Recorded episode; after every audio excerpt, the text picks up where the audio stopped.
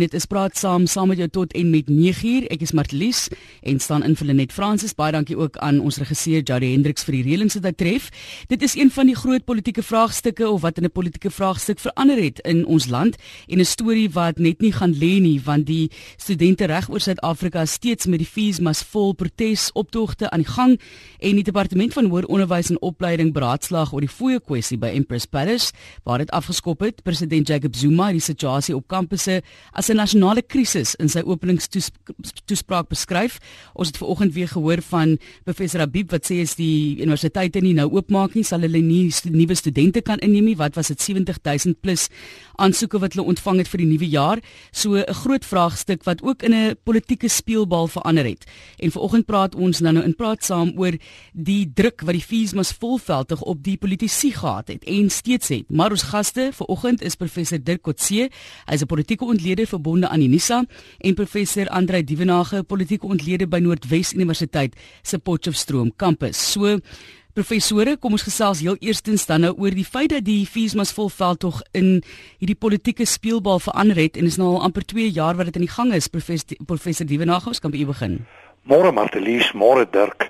Uh Martelies, ja, die verklaring vir die tendens, as ek eers daarby net vinnig kan stil staan, is net soveel polities in binne die groter politieke omgewing en binne die groter samelewing as wat dit per se binne universiteite is. Maar ek wil net vir 'n oomblik stil staan en 'n bietjie toelig wat by universiteite gebeur het oor die laaste aantal jare. As ons bloot kyk na staatssubsidie, dan het staatssubsidie in 2000 49% van die universiteit se totale begrotingsbeloop, maar in 2013 in reële terme het dit afgeneem na 40% toe, terwyl klasgelde in 2024% was en in 2013 gestyg het na 33% toe. Kortom, universiteite is afhanklik van goeie staatssubsidie, goeie klasgelde om te kan oorleef. Tweede saak, ons moet onthou dat in die periode 94 tot 2016 het die deelname koers van studente aan universiteite van 12% tot 20% toegeneem. Dit wil sê van 'n half miljoen tot 1 miljoen. Dit wil sê die getalle het geweldig toegeneem.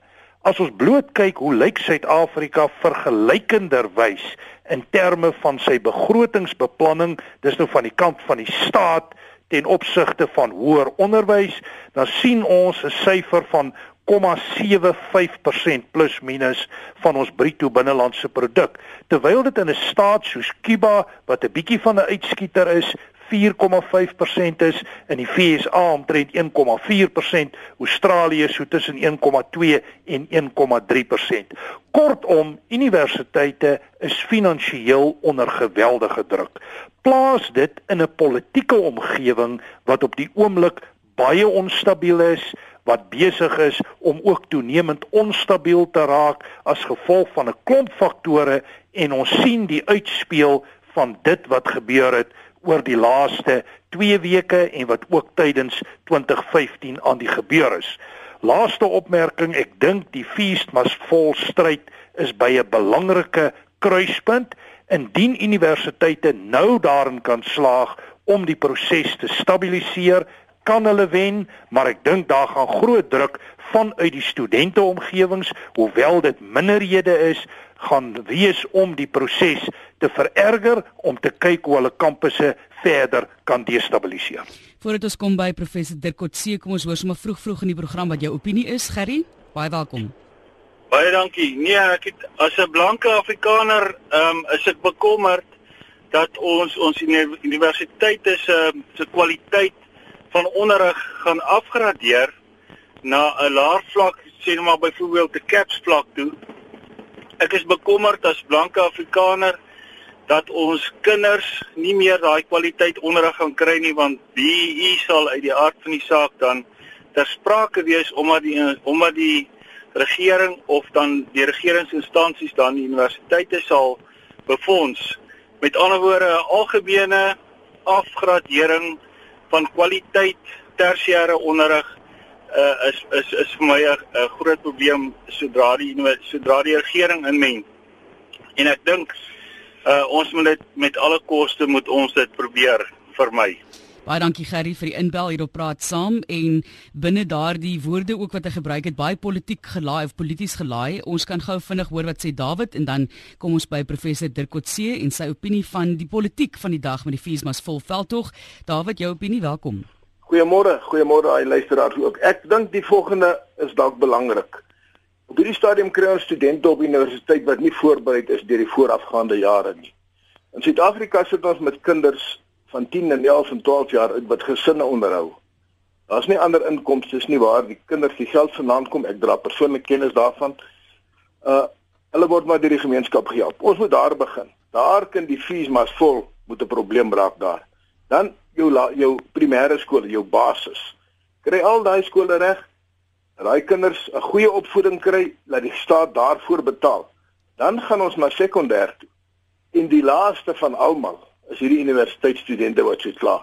Die dag as hy by die universiteit aankom aan die aansoek om te gaan studeer, hy gee nie om hoe hy befonds gaan word nie want die regering gaan pas staan. Ek dink dit is verkeerd. Begin heel onder kry die gesinsstrukture reg daar waar kinders na kinders kyk, dan die laerskool, dan die hoërskool en dan kan ons hierdie studente wat op hierdie stadium net wil hê en niks wil gee nie, dan kan ons kyk of ons hulle miskien kan help.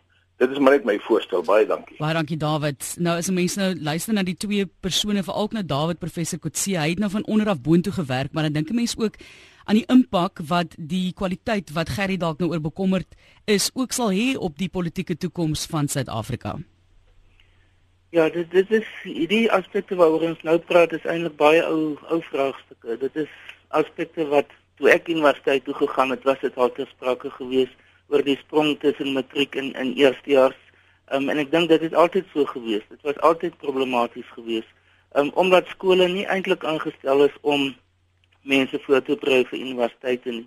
Um, die wyse waarop matriek byvoorbeeld hanteer word, hoe kinders deur omtrent afgerig word om eksamen te skryf teenoor 'n eerstejaars student wat dit net glad nie doen nie dink daardie tipe van aanpassings is soms vir som, vir baie mense net te veel. Dink die die ander aspek wat gesproke kom wat ek wat ek dikwels opper is die feit dat daar te veel gekonsentreer word net op universiteite. Daar's 'n oorkonsentrasie van van aandag wat aan universiteite gegee word terwyl ander forme van tersiêre onderrig um onderontwikkel is of selfs ver, ver, verdwyn het oor tyd. Um soos die verskillende opleidingskolleges en die tegnikons en so voort. So ek dink dit is daar's ernstige strukturele aspekte in ons hoër onderwys. Ehm um, dat bestaande universiteite is versadig, dat die meeste universiteite kan nie meer studente neem nie. Ehm um, insluitend te plek soos Unisa waar ek is waar um, dit lyk asof dat dit eintlik 'n vorm van oop toegang kan wees met 'n uh, deur die gebruik van tegnologie byvoorbeeld. Dit is in in wese is dit nie so nie. Dit kan nie so werk nie. Die ander faktor dink ek wat begin belangriker word het en dit nie 'n Suid-Afrikaanse verskynsel nie, dit is 'n verskynsel in 'n plek soos die FSA byvoorbeeld ook wat terloops dit is een van die groot vraagstukke wat nou in die huidige presidentsverkiesing daar um, begin te sprake kom is studenteskuld en hoe groot faktor dit begin word in die Amerikaanse um, samelewing. Um, is dat uh, hoër onderwys in Suid-Afrika bloot te duur geword Ehm um, dit gaan nie meer oor kwaliteit en meriete nie, maar dit gaan oor wie dit kan bekostig. Ehm um, en dit op sigself dink ek is 'n is 'n ernstige strukturele probleem um, in ons situasie. Voordat ons alles ons kyk ja. na die die groot ongelykhede wat daar bestaan. Ja. As ons nou vinnig kom, ek sien die lyne gons, ons gaan nou nou kom by nog oproepe, maar kom ons vat net gou die politieke speelveld vas en ons praat oor die mense wat nou betrokke raak. So president Zuma het ook nou betrokke geraak um, om homself uitgespreek oor die saak by hierdie beraad en mense sal sê baie keer is die fees mas vol kwessie 'n politieke wapen wapen teen hom. sien julle dit ook so professor Dievenage? Martelies, ja, daar's definitief 'n duidelike politieke konteks hieraan en dit is 'n manier om druk uit te oefen op president Zuma en wat soms na verwys word as die Zuma regime. Dit is duidelik universiteite is baie kwesbaar en ek sien daar is ook aannames wat gemaak word dat universiteite probeer om of universiteitsstudente probeer om 'n tipe van 'n Marikana te skep ten einde politieke simboliek te mobiliseer in die proses. So dit is duidelik daar. Ek kan net sê ek is bly dat ons weer na baie lang tyd vir meneer Zuma iewester gesien het, maar hy was baie mooi bestuur. Hy het net sy toespraak gelewer en hy het onmiddellik onttrek en dit is duidelik dat meneer Zuma onder baie groot druk is. Dit hou nie net verband met die feest must fall nie, maar dit hang ook verband met 'n uh, eh, groter prosesse in die politieke omgewing, die opvolgstryd en konflik binne die ANC en so meer. So ja, daar's definitief druk op politieke leiers. Daar is politieke leiers dink ek wat opportunisties omgaan met die feast must fall en wat vir my baie jammer is, is dat universiteite wat ons so brood nodig het in hierdie tyd en ook gehalte onderrig skade kan ly in hierdie proses. En ek kan eerlik sê, ek is op die oomblik redelik bekommerd oor die toekoms van universiteite en van gehalte hoër onderwys in Suid-Afrika. Ons kyk ook na die SMS'e hier op praat saam wat deurkom en definitief baie mense wat praat van daardie derde mag en ander politieke partye hoe hulle die situasie ook gebruik tot hulle voordeel. Ons gaan nou 'n bietjie daarna kyk, maar kom ons hoor gou wat sê Jan Ellis. Goeiemôre. Ja, goeiemôre aan julle twee geleerdes, hy slim oomies daarso. Uh wat my bietjie bekommer is ons uh uh dit die uh, getalle dis ons nou klaar vir 20 miljoen sorg wat nie werk nie en wat van die buitelande afkom. Nou die van die studente wat nou daar so geraas maak is mense wat van ander lande afkom. Hulle kom hier so studeer. Maar moet hulle nie uh uh geleerdheid kry of, of hoe werk dit? Want ons nou vir soveel mense sorg wat wat in ons land inkom al van 1994 af. Uh um hoe, hoe werk dit? Ons gaan later nie meer kan gaan sorg nie, gaan te veel raak. En die mense het nie werk nie. As jy werk geskep nie, hoe dit maak. Goed Jan Ellis. Ek gaan luister met die draadloos. Baie dankie. Pieter is volgende goeiemôre Pieter. Goeiemôre, hoop dit gaan goed. Baie goed, dankie. Wat is jou opinie van die politiek wat betrokke is by die Feesmas volveld tog? Jy weet op die einde van die dag is daar 52.95 miljoen Suid-Afrikaners wat hierso hierso op die op, op tans in Suid-Afrika woon en net 3.3 miljoen Suid-Afrikaners betaal tax. Dink jy die moontlikheid as 20% van Suid-Afrikaners tax betaal, dan kan daar free education wees. Maar moenie net ruk en plunder en al die al die universiteite gaan afbrand en so aan nie, want daar is daar is 'n groot probleem in Suid-Afrika. Op die oomblik wil almal net immigreer. As my kind eendag universiteit toe moet gaan, gaan ek hom beslis oor see stuur. Hy gaan beslis nie hierso kan kan swat nie. Ek luister graag oor die radio. Baie dankie, dankie. baie dankie Pieter. Nou dok, uh, professor Kotse, ons het ver oggend ook gehoor hoe Pravin Gordhan sê ons sal binne met die studente moet werk binne die konteks wat ons nou vir hulle gegee het, dit wat ons kan gee. Julle sal nou met saamwerk daar binne is belastingvermeerdering of dat meer mense belasting betaal liewer die oplossing vir hierdie uitdaging. Wel dit is natuurlik 'n belangrike faktor is dat die die regering moet 'n groter inkomste kry om om die groter las wat hulle nou besig is om te ontwikkel om dit te kan bestuur. Ehm um, so dit is dis omtrent van selfsprekend die bron daarvan. Ek dink dis 'n groot debat nog van waar moet dit vandaan kom? Ehm um, moet dit wees in die vorm van indirekte belasting, moet dit direkte belasting wees, moet dit belasting wees vir die hoër inkomste groep? Dis alles sake wat waarskynlik vorentoe nog meer te sprake is. Ehm um, ek moet byvoorbeeld net noem, ek dink ons begin daarvan vergeet, maar in 1994 het ons vir 2 jaar addisionele belasting betaal net om die verkiesing te kon betaal.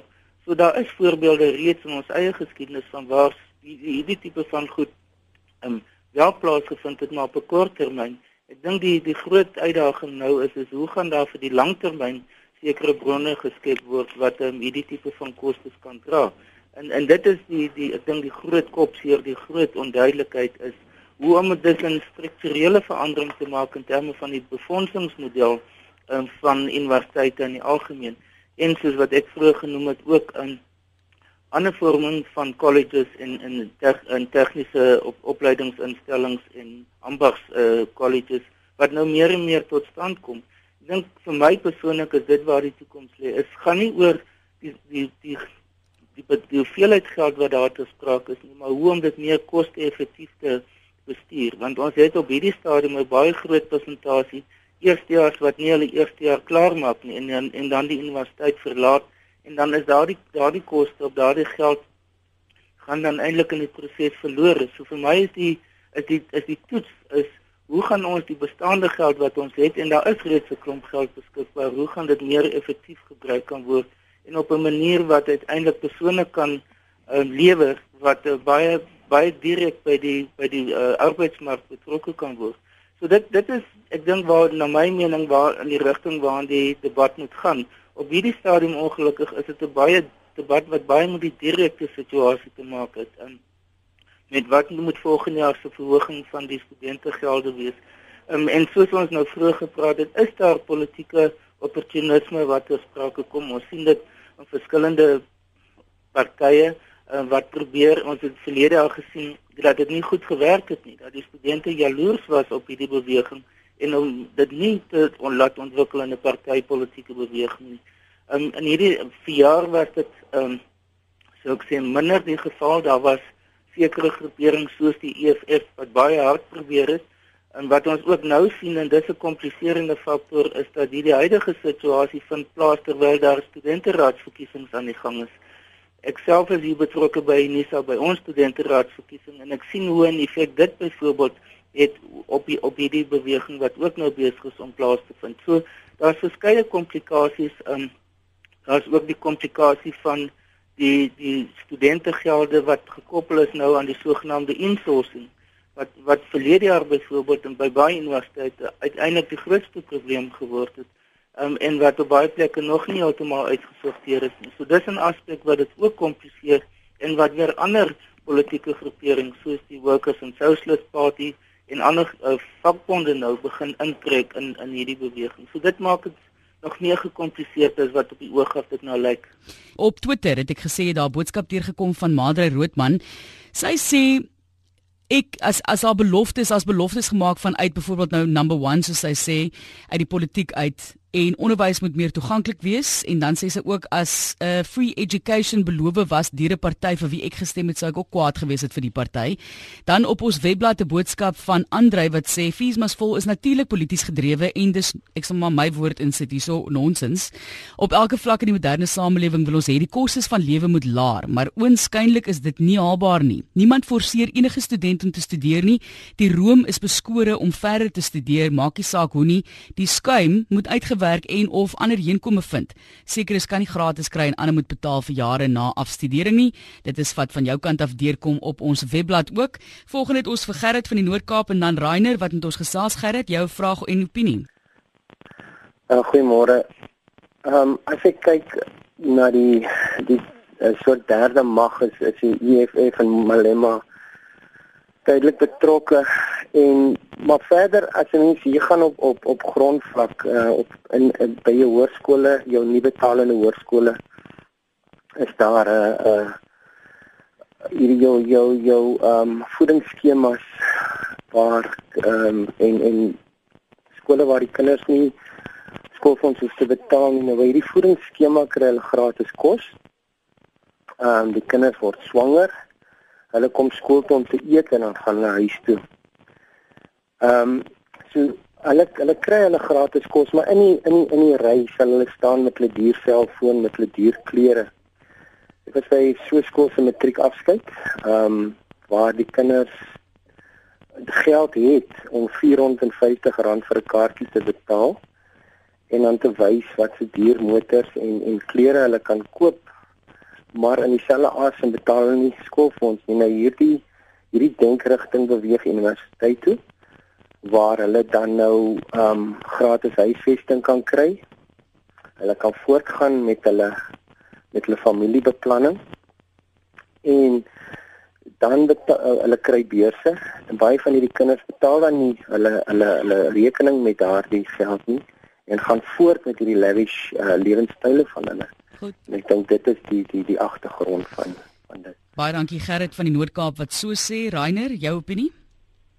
Goeiemôre Martie. Ja, uh, ek het twee ehm um, oplossings so, twee opinies. Jou eerste want as hulle weet om kinders in die wêreld te bring dan weet hulle hoe om te werk. So en daar is dit. Maar dit sou hulle kry. En die tweede my tweede opinie is lag inkomste belasting maar vir BTW Want dan betaal almal evenredig aan ehm um, belastings en dan kan hulle van daardie geld dan ehm um, gebruik om vir ehm um, studies en so te Goed. Dit is my opinie. Dankie Rainer. Jou lyn het bietjie ja, opgebreek daar, maar ek dink ons het dit gehoor. Meer kinders, meer mense om voor te sorg en dan vir vir verlaag die inkomstebelasting maar verhoog BTW. Nog so een oproep RSG praat saam goeiemôre. Goeiemôre, dis Hannes Lombard hier. Uh kan ek maar praat? Jy's welkom meneer. Ehm um, ek bel om te sê dat die huidige regering heeltemal ruggraatloos is. As uh, ek die minister van onderwys of die president was, sou ek vir studente gevra het wie het vir hulle gesê om te gaan leer. Dis hulle eie besluit om te gaan leer. Hulle het geweet daar gaan kostes aan verbonde wees. Hulle kan nie verwag dat die staat moet betaal daarvoor nie. Dit is hulle keuse om dit te doen. Goed, baie dankie. Dis Hannes okay. wat so sê hier op praat saam. Kom ons beantwoord gou hierdie vrae en dan wil ek baie graag hê ons moet die derde mag in perspektief sit want ek dink kyk 'n rooi keppie word nogal maklik raak gesien hè. Nou ek is nou nie besig om te sê dis nie die geval nie, maar ek dink in terme van die fotos wat mense sien en die studente betrokke, ek sal graag wil hoor of dit wel julle siening is dat die EFF sterk vorentoe staan as daai derde mag en of julle voel dit kom van uit 'n ander perspektief, maar dit is ons gaste professor Dirk Coetzee en professor Andre Dievenage. Professor Dievenage, kom ons gee vir u 'n spreekbeurt en ons begin dan by Gerrit in die Noord-Kaap. Sy stelling dat daar eintlik misbruik gemaak word van die stelsel dat kinders eintlik nou maar net kom vir die kos, maar dit eintlik geld vir ander tipe van dinge. Rainer wat sê daar's baie kinders verlaag inkomstebelasting verhoog BTW en laastens Hannes wat sê die regering is ruggraatloos in hantering hiervan. Martelies,ja, soos ons kan sien, die saak is geweldig kompleks. Daar's nie eenvoudige antwoorde nie. Dit is 'n finansiële saak wat lê binne 'n groter sosiaal-ekonomiese en politieke konteks, maar kom ek raak 'n paar van die aspekte aan. Ek wil begin deur te sê ek twyfel of ons belastings verder in die land kan verhoog as ons werklik ekonomiese groei wil bevorder. En my kyk daarop is dat soos Dirk ook tereg gesê het, die geld wat daar is, moet beter aangewend word. Dis baie duidelik dat daar is misbruik van geld. Dis ook vir my duidelik ons het binne onderrig en onderwys in Suid-Afrika 'n groter sistemiese probleem en dan is my kyk ook daarop dat uh, om universiteite toe te gaan is 'n voorreg. Dit is nie reg nie. Daar is nie iets soos 'n kostelose universiteit nie. Al sal ons geen klasgelde hoef te betaal nie, is daar steeds geweldige uitgawes om iemand op universiteit te hou. Dink maar aan boekgelde, dink maar aan verblyf, vervoer en so meer. Die som wat ek hier gesien het is dit kos 'n student plus minus 'n 100 000 rand per jaar om alle kostes te hanteer. 'n Baie interessante ander ontleding wat deur onderwyskundiges gemaak word, is dat uh, indien daar geen klasgelde sou wees nie, sou dit buitendien nie die armes bevoordeel nie, maar die middelklas en die hoër klas elite sou buitendien daardeur bevoordeel word. So die antwoord lê nie heeltemal in geen betaling nie. My kyk daarop is dat jy betaal vir gehalte en ons sien dit ook baie sterk binne die skole. Iets oor die derde mag Nou moet ek sê die term derde mag is altyd vir my 'n baie kontroversiële term. Dis asof iemand bang is om te sê wie is verantwoordelik vir bepaalde optredes en bepaalde dade soos byvoorbeeld wat ons nou sien op universiteite. Wat vir my duidelik is is daar's groot magstryde in ons groter politiek aan die gang binne die ANC tussen die EFF en elemente in die ANC. Ons weet ook van die konflik normaal tussen byvoorbeeld die Demokratiese Alliansie wat ook deesdae 'n sterk rolspeler word rondom universiteite en ander groeperinge. Maar dit is ook vir my duidelik dat die gewelddadige komponent klein is. Hy is nie baie groot nie, maar daar kan 'n mens die tekens sien van 'n EFF tipe strategie of die EFF alleen daarvoor verantwoordelik is, dit betwyfel ek sterk. Nou wil ek dan juist vra vir professor Kotse wat jou opinie daarvan is. sien 'n mens net rooi makliker raak of is dit wel die geval? Ja, ek dink dit dit dit daar is 'n faktor van dat ehm um, kleur maak 'n verskil as ek dit so mag stel. Ehm um, want byvoorbeeld as jy mens mooi kyk na die die die politieke groeperings wat of die studente groeperings wat betrokke is in spesifiek die politieke studente organisasies, dan is dit nie net die EFF nie. Ehm um, SASCO wat geaffilieer is by die ANC is is net so prominent. Ehm um, daar's ook selfs ander groeperings byvoorbeeld in die Weskaap soms Pasma wat die PAC groepering is. Ehm um, hulle is ook besonder betrokke daarso. Ander universiteite weer minder. So dit hang ook af van in watter omgewing dit is en wat waar die politieke groeperings 'n um, sterk ondersteuningsbasis het. Um, byvoorbeeld in in uh, KwaZulu-Natal en in die Weskaap en in die Ooskaap is die EFF nie so prominent nie omdat die EFF as party nie so sterk daar is nie. Maar Gauteng is wat die die kern die hart van die die EFF is daar is die EFF hier baie meer prominent. So ek wil nie graag probeer om 'n veralgemening daaroor te maak nie.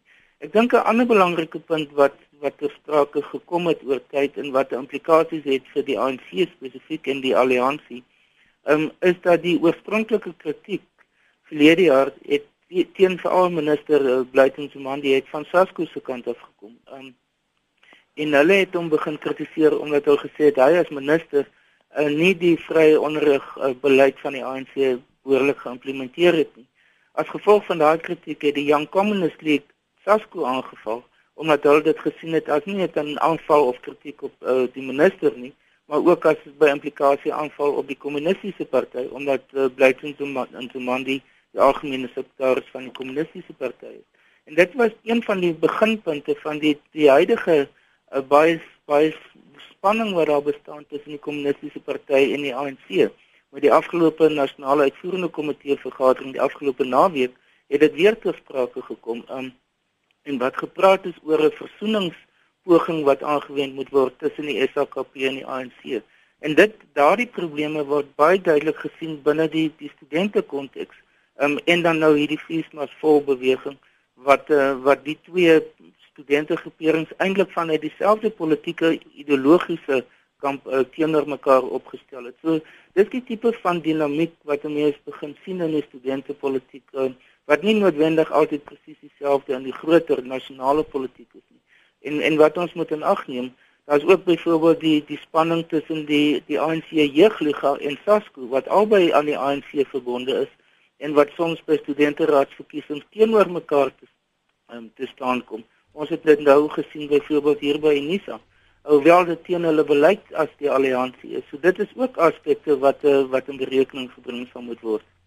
Kom ons kyk of JJ nou aangehou het vir ons JJ van Mosselbaai goeiemôre. Goeiemôre Matelies, die jou gaste daar.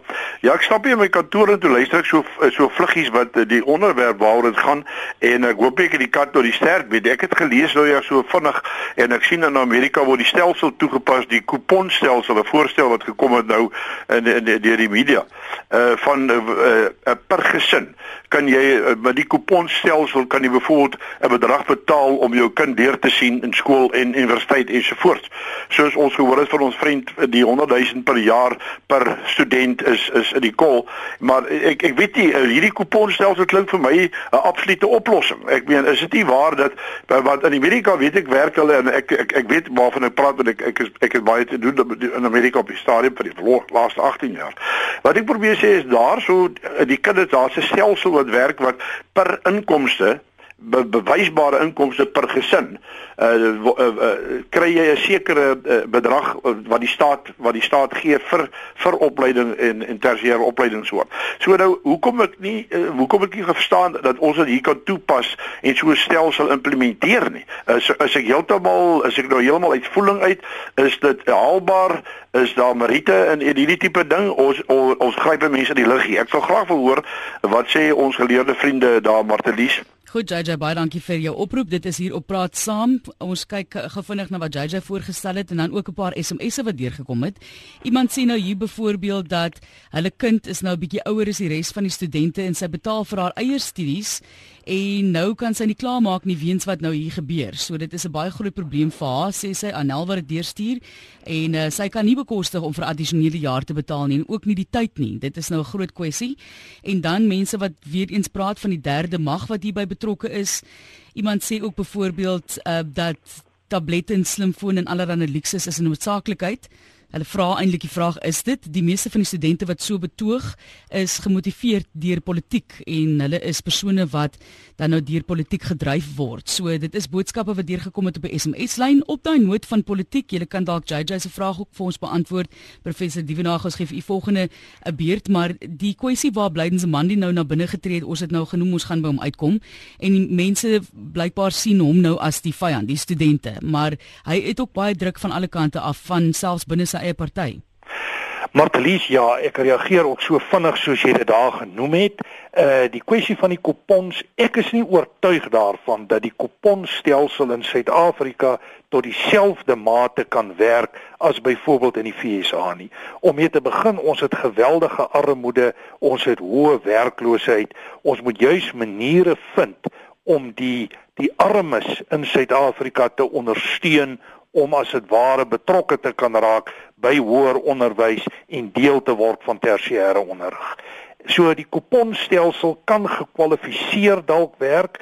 Dit is 'n manier om geld te mobiliseer om mense in die universiteitsomgewing te kry, maar ek dink dit gaan miskien in jou middelklas omgewings en jou hoër klas kan dit tot 'n sekere mate werk ondertoe met jou hoë vlakke van werkloosheid betwyfel ek sterk en ek twyfel of ons werklik die staatkundige strukture en die kapasiteite het om dit na behore te mobiliseer, te verifieer en so meer. So ek het 'n bietjie 'n kommer oor daai saak. Oor die hele kwessie van universiteite, studente wat self betaal en dan nou nie die geleentheid kry om te studeer nie, dis 'n groot probleem en ek dink universiteite besef hulle kan hofsaake teen hulle self kry in die verband mense uh mobiliseer groot hoeveelhede geld wat hulle dikwels leen om te kan studeer sonder om dan in effek die geleentheid te kry. Daarom voel ek baie sterk daaroor dat daar sterk opgetree moet word en dat kampusse polities en andersins gestabiliseer moet word. En neutraal seker ook moet bly. Ekskuus die. 'n Meer neutraliteit dalk ook binne die kampusse verwelkom? Ek sal ek sal dit ongetwyfeld verwelkom. 'n Mens wil nie die politieke debat afwater op kampusse nie, maar ek dink die mate van geweld, die mate van eiendomsbeskadiging, dit moet onmiddellik gestop word. As ons praat oor Blydense Mandi, ek dink Blyd het van die begin af die hele feast must fall veldtog baie swak hanteer. Ek dink nie hy het goeie leierskap aan die dag gelê nie, maar ons weet ook dat meneer Nzimandi is onder geweldige druk. Daar is finansiële beperkings. Sy posisie in die kabinet lyk ook nie altyd vir my baie veilig nie. Ek is bewus van baie direkte konflikte tussen hom en die president. So daar's 'n klomp dinamiese faktore wat hulle uitspeel rondom meneer Nsemandi, maar ek sal nie meneer Nsemandi beskryf as 'n baie goeie minister van hoër onderwys nie. Ons het 'n boodskap gekry hierso op ons webblad waar iemand sê kyk, gee vir almal gratis onderwys, maar moenie dat hulle by 'n universiteit gebou moet gaan studeer nie. Maak daai aanlyn studie meer toeganklik. Laat al die studente dieselfde eksamens skryf. Dis Trish Land, 'n dan lop wat so sê. En dan ook iemand wat sê dis Martie Alberts, ek stel voor dat studente wel hulle eerste en tweede jaar op universiteit gratis kan doen deur middel van die rekenaar. Hulle kry riglyne vir studie deur studiegidse Dosente is bedags beskikbaar om vrae te beantwoord oor die werk deur middel van die rekenaar. Waar 'n student nie 'n rekenaar het nie, moet dit in biblioteke naby aan die student se huis beskikbaar gestel word waar hulle kan werk. Uh dit is baie goeie voorstel. Ek dink op 'n logistieke vlak dalk baie moeilik ook in daardie situasie, maar sy sê as hulle al die vakke geslaag het in daardie tyd, kan die belowende studente 'n volle lening kry vir die res van die tyd aan 'n universiteit. Dit sal diegene wat vir die prestige op universiteit wil wees uitskakel. En ek dink dit spreek ook tot wat professor Kotse gesê het oor die effektiewe toepassing van die fondse wat ons gebruik vir studie. Kom ons gesels gou volgende professor Kotse, juis oor daardie politieke konteks van waar die studente afkom. Hulle het nie dieselfde verbintenis of agtergrond met byvoorbeeld die ANC voor dit ook al sy nie. Hulle kom met 'n ander politieke konteks na die tafel. Ja, dit het ons onder andere gesien nou met die afgelope verkiesing dat daar daar is besig om skuwe plaas te vind in die manier hoe persone hulself identifiseer met politieke partye. Um en die historiese verbintenis of sentiment begin waarskynlik minder en minder word. Ehm um, dit is ook so dat ek dink daar's daar's meer politieke partye nou wat uh, wat sterker staan dat uh, daar is 'n groter diversiteit van politieke idees van politieke partye, politieke bewegings, uh, studente politieke bewegings. Um, So dit beteken dat daar meer ook kompetisie is tussen politieke uh, partye en en studentegroeperings. Ehm um, en en dit het ons dit sien ons veral by tye wanneer daar studenteraadsverkiesings is, maar ook byvoorbeeld in bewegings soos hierdie wat van nou van verlede jaar af besig is om plaas te vind. Ehm um, die die ander faktor dink ek wat ons nog nie oor gepraat het nie, is dat daar daar is ook hierdie sogenaamde dekoloniale idee wat meer en meer begin prominent word. Um, en ons begin dit sien veral onder jong intellektueles en en middelklas persone. So dit is nie die arme mense wat noodwendig um, met hierdie idee werk nie. En dis een van die idees wat die die EFF vanaf sy stigting deel gemaak het van sy filosofie of sy ideologiese samestelling. Um, en dit is baie aantreklik vir baie mense en dit het ook 'n mate van soms 'n swart bewussindselemente sprake. Dit het persone soos Frans van Non en ander word ingetrek in hierdie tipe van denke en dit het te maak met die meer van 'n persoonlike persoonlikheidsbevrydingsidee. Ehm um, en en die die studentebeweging word baie sterk in daarin gekoppel. En en dit gee aan die studente 'n sekere idee van van identiteit. En ek dink dis een van die groot probleme wat ons wêreldwyd begin sien is die identiteitsidee waar mense wel self wil probeer definieer nie in terme van die groot prentjie van sê maar van globalisering of van om 'n Europese Unie te kan wees of 'n maar eerder om 'n meer spesifieke identiteit te probeer ontwikkel. En dis dis 'n meer filosofiese onderbou wat begin inkom in hierdie beweging. Um, en wat baie studente motiveer om deel te word daarvan. Die byvoorbeeld Rhodes must fall um die die verskillende simbole wat hulle op gefokus het in die verlede, veral verlede jaar is, is baie direk gekoppel aan hierdie. Um, en dit is dis nie noodwendig aan spesifieke partytetiese groeperings gekoppel nie, maar dit is 'n breër beweging uh, wat na my mening besig is om homself weer te laat herleef. Met iemand soos Steve Biko is is besig om weer meer en meer prominent te word en die idee daarvan veral onder jong mense, onder studente, onder intellektueles ook. Uh, veral as gevolg van die feit dat daar 'n gevoel is dat die ANC 'n intellektuele sin uh, op hierdie stadium nie baie sterk is nie. En die gedurende die Mbeki periode was dit meer prominent geweest en wat mense dus ook sien is is dat byvoorbeeld die EFF besig is om uit te reik na president Mbeki toe. Um en probeer om nog meer te distansieer van president Zuma wat gesien word as amper 'n on of 'n anti-intellektuele groepering binne die ANC. So dit dis 'n dimensie wat baie meer problematies is om te kan oorgesels want dit is nie iets wat tasbaar is en wat 'n mens in terme van meer kriepolitieke programme uh, kan identifiseer nie. Uh, maar dis 'n baie definitiewe faktor wat ons moet in ag neem en moet verstaan as ons hierdie studentebeweging wil ook wil verstaan op daai noot baie van die punte wat u nou aangeraak het professor Kotse jy's wat mense ook uitwys oor die geskiedenis en 76 en die voorbeeld wat hulle dink dit gestel het. Iemand sê ook my kinders woon in Ierland. Geen klasgeld vir die eerste graad nie maar belastingkoers is 50% dis 'n SMS wat deurgekom het. Jy luister na praat saam. Paul is volgende in ons hooftrekke terloops in die 9 uur nuus. sien ek nou dat hulle sê chaos breek uit by die Wits Universiteit in Johannesburg en Suid-Afrikaanse sake afvaardiging is in New York om beleggers beleggers te lok waar hierdie tipe kwessies seker ook bespreek gaan word. Maar kom ons hoor wat sê Paul. Goeiemôre. Goeiemôre Martelies en uh, jou gaste.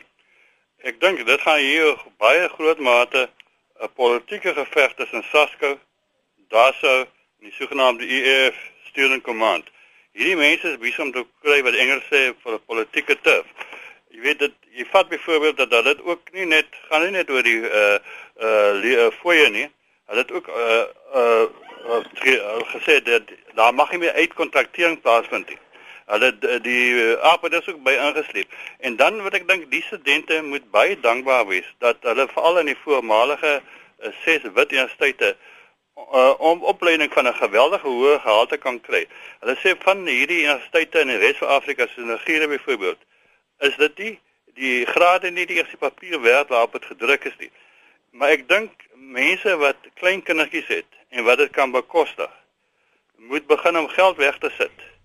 Sodat eendag hulle kinders na 'n Bavaria State of Washington kan stuur want as hierdie storie nie reg bestuur word nie, gaan ons hier op stede later aan net bloot opleidingskolleges word. Ek dink hierdie storie moet regkry. Baie dankie Matelies. Baie dankie vir die inbel Paul en in Noord-Kaap lander sê is die oplossing nie baie eenvoudiger as hierdie verskillende teorieë nie.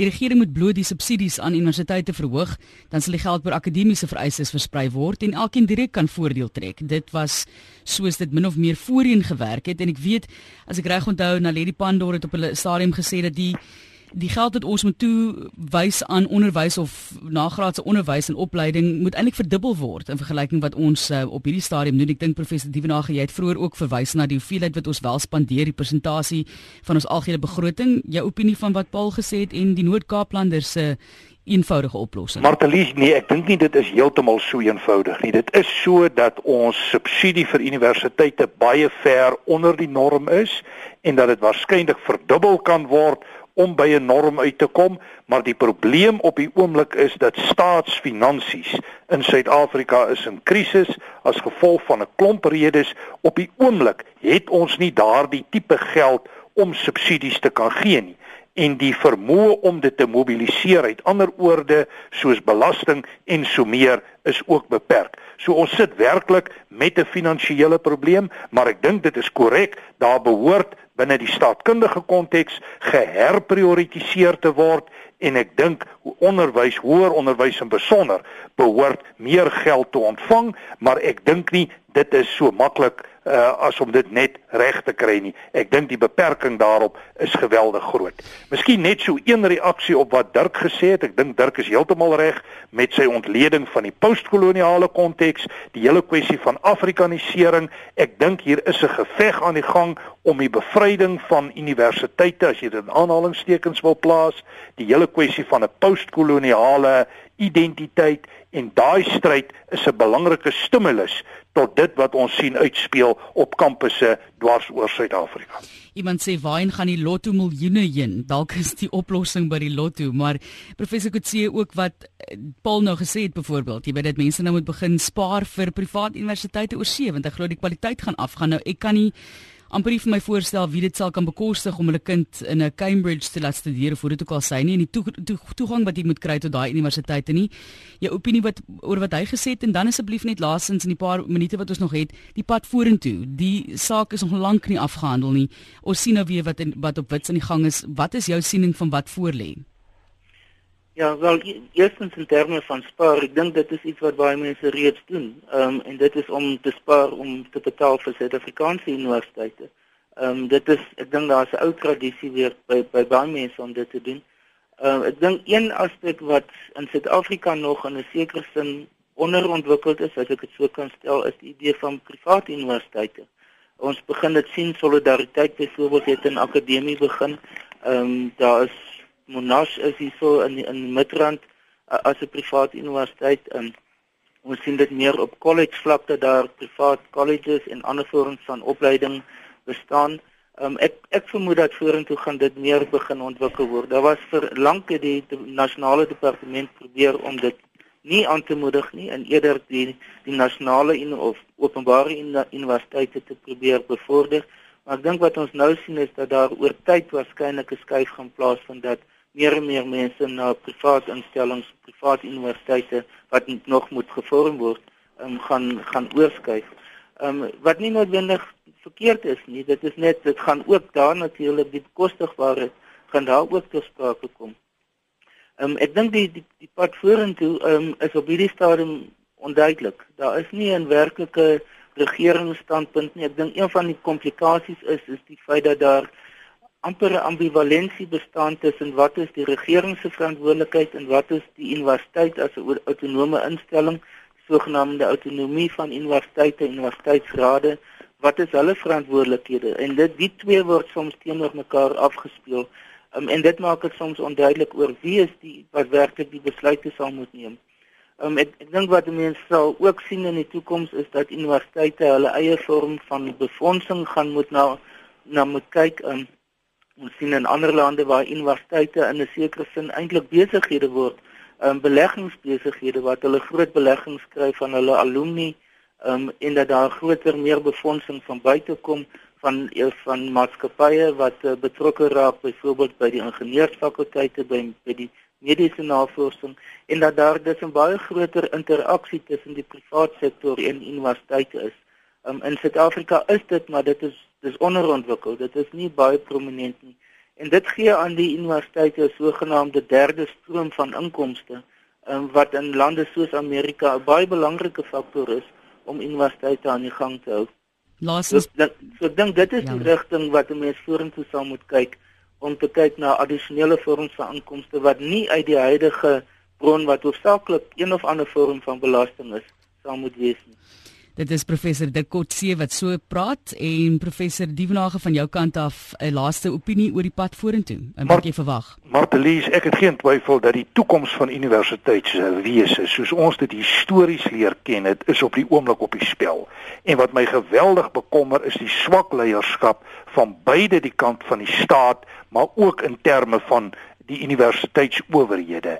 My kyk daarop is dat universiteitsowerhede moet baie sterker optree in terme van die onafhanklikheid en die autonomie van instellings. Hulle moet fokus op die akademiese projek en nie op die politieke projek nie. Ek het geen twyfel dat die toekoms vir ons meer gaan lei in terme van privaat universiteite en 'n besigheidsgeoriënteerde tipe universiteitsomgewing, maar dit los nog nie die probleem van die armes se toegang tot universiteite op nie. So hier is groot uitdagings. Dit is nie net universitêr nie, dit is sosiaal-ekonomies en ook polities van aard. En op daai noot sê iemand ook vir ons hierso dat hy glo soos dit een van die verskillende oorde ook of uitgewys het 'n professor universiteite maak of hulle onskuldig is in hierdie hele episode. As die universiteite se opname 20% is soos in die begin van die gesprek genoem, is daar te veel studente op universiteite. Ongeveer 15% van 'n bevolking hoort op universiteit. Dit beteken daar is studente studente op universiteit wat nie daar hoort nie. En dan die gevolge daarvan baie studente studeer in maklike rigtings waar daar nie genoeg werk vir is of wat nie inkomste vir die land kan bewerkstellig nie. Dit vermors belastinggeld. Baie studente kom nie deur nie want hulle hoort nie daar nie. Dit vermors belastingbetalers se geld. Intussen het ons te min mense wat op colleges studeer of vakleerlingskappe. Ons hoor dit nogal gereeld Hier het die arbeidsmag 'n groot tekort, met ander woorde, die gelde beskikbaar word verkeerd aangewend, soos wat professor Kotse vroeër ook uitgewys het en verder maak universiteite dit uiters moeilik vir studente deur hulle te forceer om almal in Engels te moet studeer. Dit beteken 93% van die studente word al klaar benadeel deurdat hulle nie in hulle moedertaal onderrig word nie en dat daar baie uh, bydra tot hoë drypsyfers en dit veroorsaak ook dat 50% van die bevolking glad nie kan studeer nie omdat hulle nie genoeg kennis van Engels het nie. En op daai baie lang noot sal ons vandag moet haltroep met hierdie gesprek. Ek sê vir julle baie dankie vir die insetsels wat julle vandag vir ons gelewer het net om vir ons weer perspektief te gee ook as dit kom by die politiek van die saak. Professor Dirk Coetzee is 'n politieke ontleder verbonde aan Unisa en professor Andre Dievenage, politieke ontleder by Noordwes Universiteit se Potchefstroom kampus. Baie dankie aan beide van julle vanoggend. Dankie Bartelies. Baie dankie. Dit is hier op RSG. Môreoggend weer praat saam. Kan jy inskakel van 8 tot 9.